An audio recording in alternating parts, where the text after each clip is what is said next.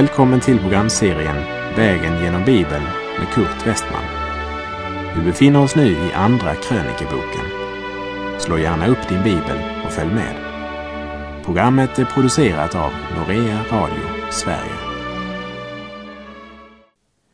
Vi har nu hunnit till Andra krönikeboks andra kapitel och går därmed vidare på vår vandring tillsammans med Salomo regenten som fortsätter att vinna så många andra men som steg för steg förlorar sin egen själ. Salomo bad inte om andligt omdöme men om förstånd att vara folkets ledare, det vill säga politisk visdom. Och även om han fick stor kunskap och visdom till att regera och vinna världen så klarade han inte att styra sitt eget liv och det är värt att reflektera över. Andra krönikerbok 2, vers 1. Och Salomo tänkte nu bygga ett hus åt Herrens namn och ett hus åt sig själv till kungaboning. Davids hjärta, det var de sista åren fylld av en enda tanke, att få bygga Herrens tempel. Salomos hjärta är mera delat. Han tänkte bygga ett hus åt Herren och ett hus åt sig själv. Palatset David byggt var inte gott nog. Vi läser verserna 2 till och med 4. Därför avdelade Salomo 70 000 män till att vara bärare 80 000 män till att hugga sten i bergen och 3 600 till att ha uppsikt över det andra. Och Salomo sände bud till Huram, kungen i Tyrus, och lät säga Visa samma vänskap mot mig som mot min fader David, till vilken du sände sederträ för att han skulle bygga sig ett hus att bo i. Nu vill jag bygga ett hus åt Herrens, min Guds namn och helga det åt honom för att man där må tända välluktande rökelse inför hans ansikte och ha skådebröden ständigt framlagda och offra brännoffer morgon och kväll på sabbaterna, vid nymånaderna och vid Herrens, Guds högtider. Ty så är det för evig tid stadgat för Israel. Lägg märke till att det här är en evig stadga för Israel. Det finns de som är mycket kritiska till att templet ska återuppbyggas under tusenårsriket eftersom offrandet av djur på brännofferaltaret var något som pekade fram mot Kristus och hans offerdöd på korset. Och vi kan ju fråga oss varför ska offrandet av djur återupptas under tusenårsriket? Därför att Gud har befallt det, det är svar nog. Också det offret kommer att ha sin mening och det vill påminna om Jesu fullkomliga offer. Påminna om att Gud frälsar genom ett ställföreträdande offer vers 5. Och det hus som jag vill bygga ska vara stort, ty vår Gud är större än alla andra gudar. Det verkar som om Salomo menar att ju större han är, han som ska bo i huset, desto större måste huset vara. Men då är det ju ganska betänkligt att Salomo till sig själv byggde ett hus som var mer än fyra gånger så stort som huset han byggde åt Gud. Vers 6. Vem förmår väl att bygga ett hus åt honom? Himlarna och himlarnas himmel rymmer honom ju inte. Vem är då jag att jag skulle kunna bygga ett hus åt honom? Nej, bara en plats där vi kan bränna rökelse för hans ansikte. Det var genom offer som människan kom inför Gud. Och den enda väg på vilken du och jag kan komma till Gud är genom Herren Jesus Kristus, som blev offrad för våra synder. Men här är det viktigt att lägga märke till att Salomo han hade inte några vanföreställningar om vem Gud var. Och han inbillade sig aldrig att Gud skulle bo i templet. Salomo inbillade sig aldrig att Gud kunde placeras i en liten box eller låda och det trodde inte folket heller. För det är ju inte heller det vi menar när vi kallar kyrka eller församlingslokal för Guds hus. Utan det är en plats där församlingen gemensamt möts omkring ordet till bön och sång, liksom vi också kan möta honom i vår ensamhet. Vers 7. Så sänd mig nu en konsterfaren man som kan arbeta i guld, silver, koppar och järn. Likaså i purpurrött, karmosinrött och mörkblått garn och som är skicklig i att utföra snidverk tillsammans med de konsterfarna män som jag har hos mig här i Juda och Jerusalem och som min fader David har anställt. Judarna var ett folk som till stor del levde av jordbruk och boskapsskötsel. Därför hyr man in konstnärer och hantverkare från andra land och folk och de ska tillsammans med de konsterfarna män som Salomo hade i Juda och Jerusalem tillsammans uppföra Herrens tempel. Vi lägger också märke till att i slutet av vers 7 så står det att det är David som har anställt och organiserat arbetarna. Och vi läser vidare i vers 8. Och sänd mig cederträ, cypressträ och algumträ från Libanon. Ty jag vet att dina tjänare är skickliga i att hugga virke på Libanon och mina tjänare är redo att vara dina tjänare behjälpliga. Med andra ord, här hjälps man åt för att belastningen inte ska bli för stor för någon av parterna. Jag kräver inte att du ska utföra allt detta utan assistans från oss vers 9 och 10. Må du skaffa mig en mängd virke, ty huset som jag vill bygga skall vara stort och härligt. Och jag är villig att åt timmermännen som hugger virket ge, för dina tjänares räkning, tjugo tusen korer tröskat vete, tjugo tusen korer korn, tjugo tusen bat vin och 20 000 bat olja. Det är Salomos erbjudande till Hiram eller Huram som han också kallas. Men vi ska längre fram på vandringen genom Bibeln se att det blev en missförståelse angående betalningen som Salomo skulle göra. Vi läser kapitel 2, vers 11 till och med 13. På detta detta svarade Huram, kungen i Tyrus, i ett brev som han sände till Salomo. Därför att Herren älskar sitt folk har han satt dig till kung över dem. Och Huram skrev ytterligare.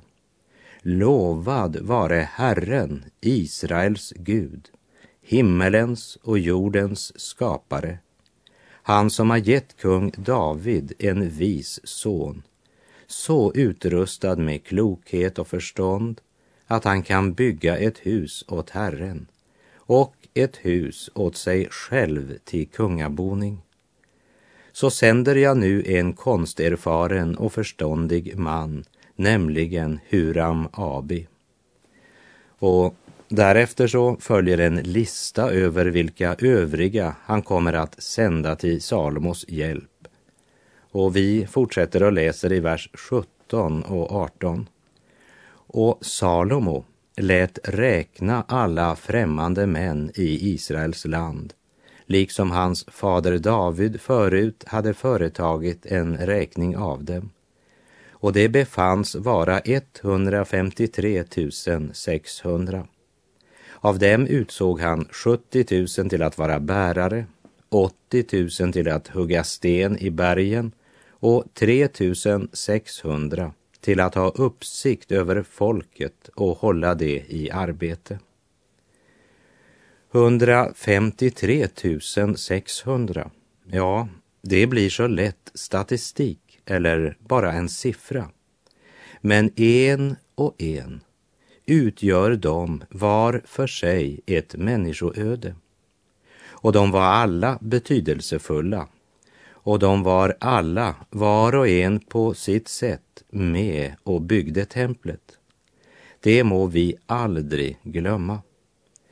En man berättade att han kom in i en stor kyrka som han just höll på att bygga i England. När han kom innanför dörren så ser han tre män som på olika platser ligger på knä på golvet och lägger sten. Och han frågar den förste, vad gör du? Och utan att se upp svarade han bittert, jag förtjänar till livets uppehälle.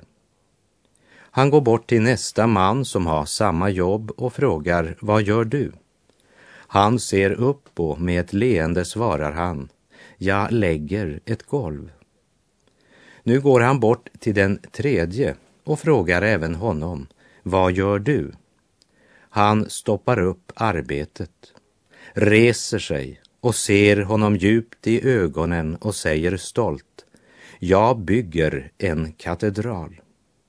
Så olika kan man se på sin uppgift. Salomo lät räkna alla främmande män i Israels land som han kunde använda i arbetet och det befanns vara 153 600. Och de såg nog ganska olika på sin uppgift. Men de var ju var och en av dem trots allt med och byggde ett tempel.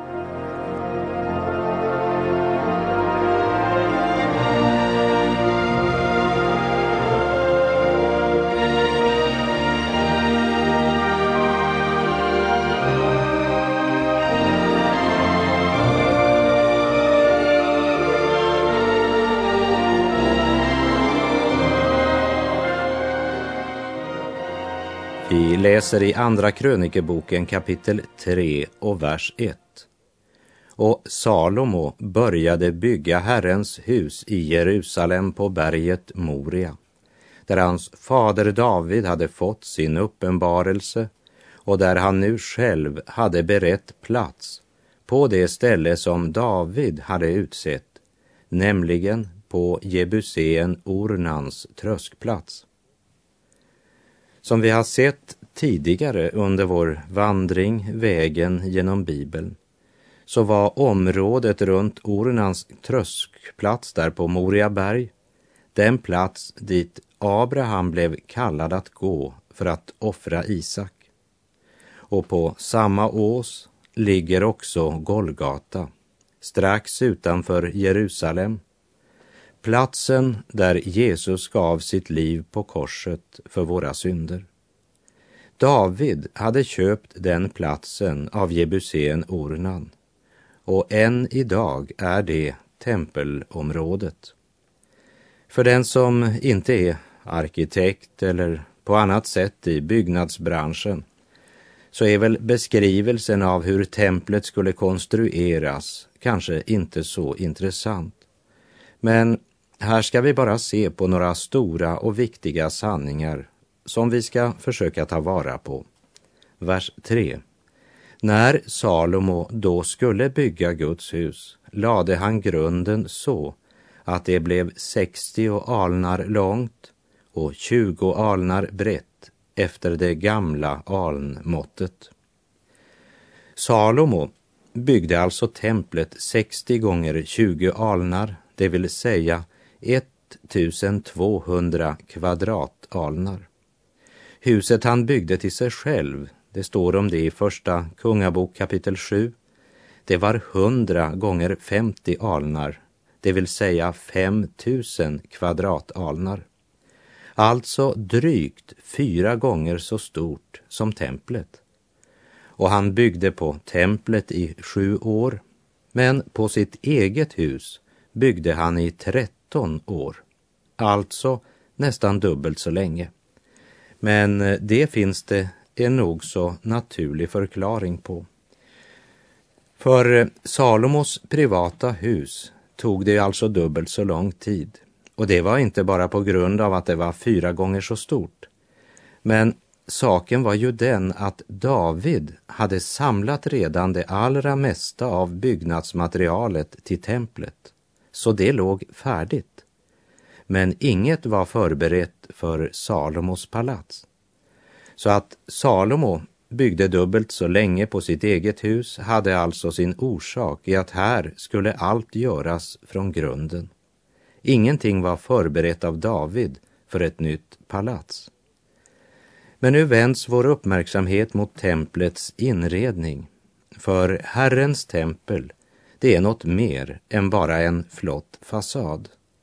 Och det är det viktigt att komma ihåg också i vårt kristna liv i vardagen. Det är mera än en fasad och en teori. Vi läser Andra krönikerbok 3, vers 13. Alltså bredde dessa keruber ut sina vingar tjugo alnar brett, där de stod på sina fötter med ansiktena vända inåt. Keruberna symboliserar det gudomliga, det vill säga här inne föregår allt under Guds vingars skugga.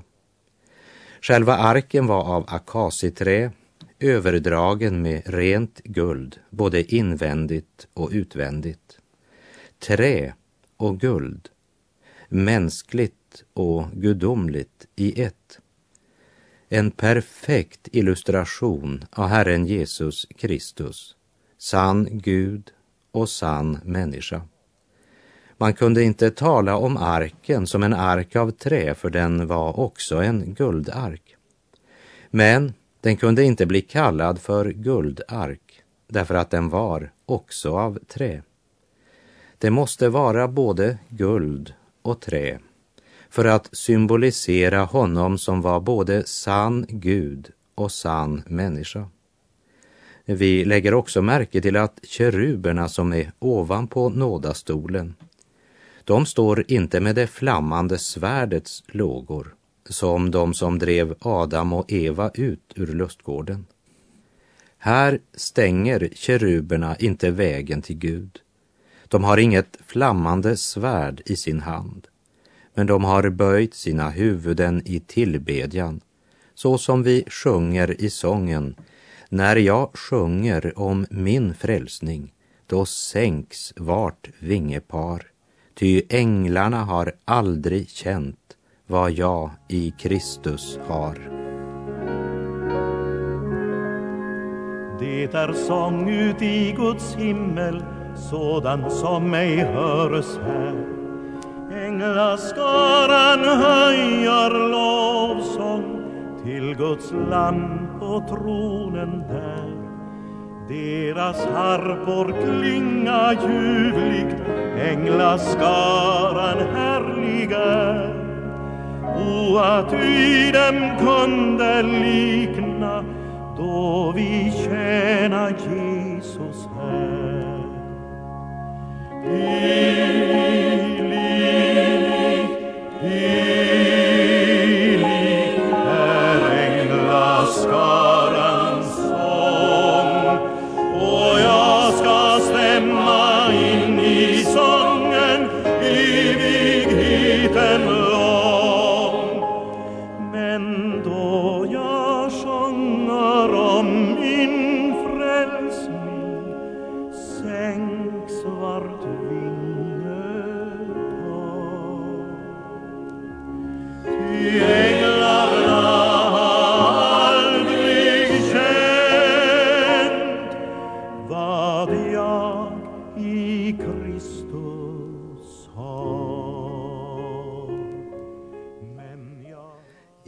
Andra krönikerbok kapitel 3 läser vi vers 14.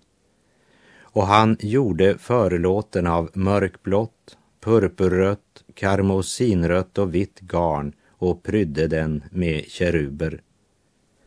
Det mörkblå symboliserar himlens färg, det gudomliga, det som är från ovan. Vi kan säga honom som håller alla sina löften det vill säga det profetiska. Och personligen tror jag att den blå färgen förkunnar att han som är förlåten, det vill säga dörren in till gemenskapen med Gud, han är också profet. Det är ett av hans ämbeten. Det purpurröda förkunnar hans ämbete som konung och det rosenröda eller blodröda hans ämbete som överstepräst. Profet, konung och överstepräst. Och det vita talar om att han är helig, fullkomlig och ren. Förlåten eller förhänget symboliserar Kristus. Och när Jesus stod på korset så brast förlåten i templet i två stycken, uppifrån och ända ner, som det står i Markus 15.38. Vi ska också lägga märke till de två pelarna, Andra krönikerbok 3, vers 15. Och han gjorde två pelare till att stå framför huset, 35 alnar höga och huvudet som satt ovanpå, var och en av dem var fem alnar. Och han gjorde kedjor till koret och satte också sådana upp till på pelarna. Och vidare gjorde han hundra granatäpplen och satte dem på kedjorna. Och pelarna ställde han upp framför tempelsalen, den ena på högra sidan och den andra på vänstra åt den högra gav han namnet Jakin och åt den vänstra namnet Boas.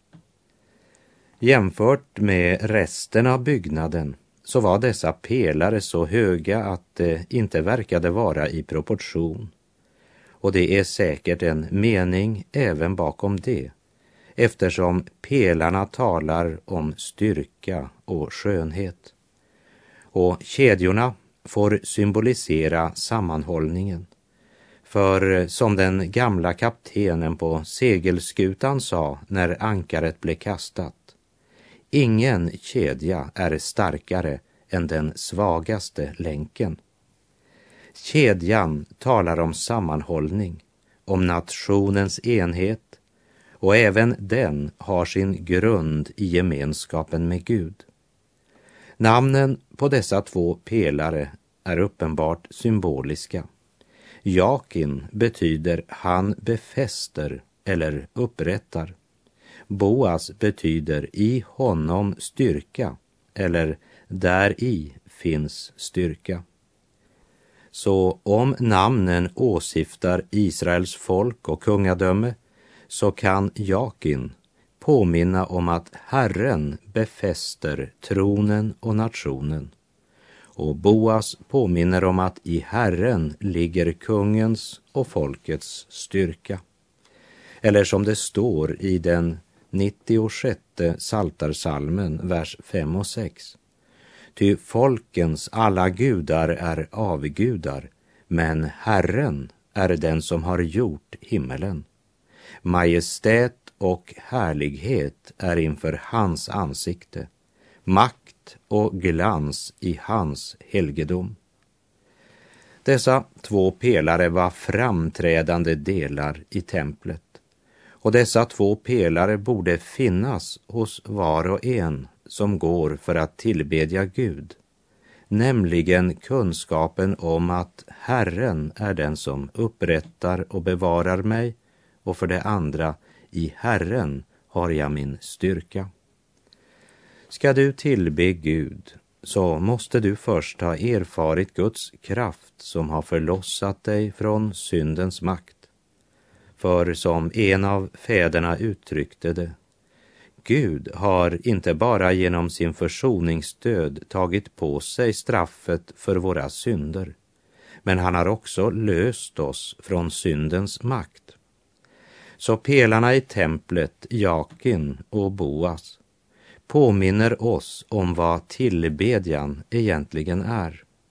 Tillbedjan är en förlossad och förlåten syndare som träder in i Guds närhet för att tacka och prisa honom.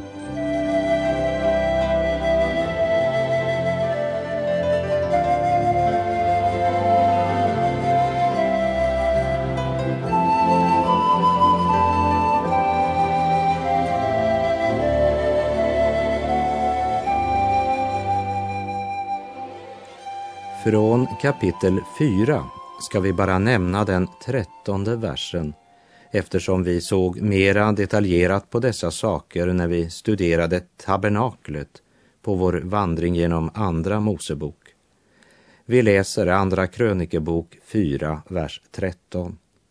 Och dessutom de 400 granatäpplena till de båda nätverken. Två rader granatäpplen till varje nätverk för att de båda klotformiga pelarhuvuden som satt uppe på pelarna så skulle bli täckta. Granatäpplena talar om att bära frukt och det är temat här. Och vi finner att granatäpplet är broderat med tre färger som förkunnar Kristi tre ämbeten, profet, konung, överste präst. Kristus blir ju också kallad för den andre Adam. Som det är uttryckt i Första Korinterbrevet 15.45. Så står det skrivet, den första människan Adam blev en levande varelse. Den siste Adam blev en livgivande ande. Även de klotformiga pelarhuvudena som satt på pelarna skulle täckas av dessa granatäpplen, av denna frukt. Ja, bliv i Jesus vill du bära frukt.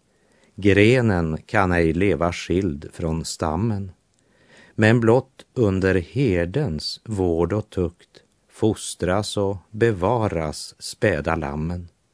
Bliv i Jesus vill du bära frukt. Och med det så säger jag tack för den här gången.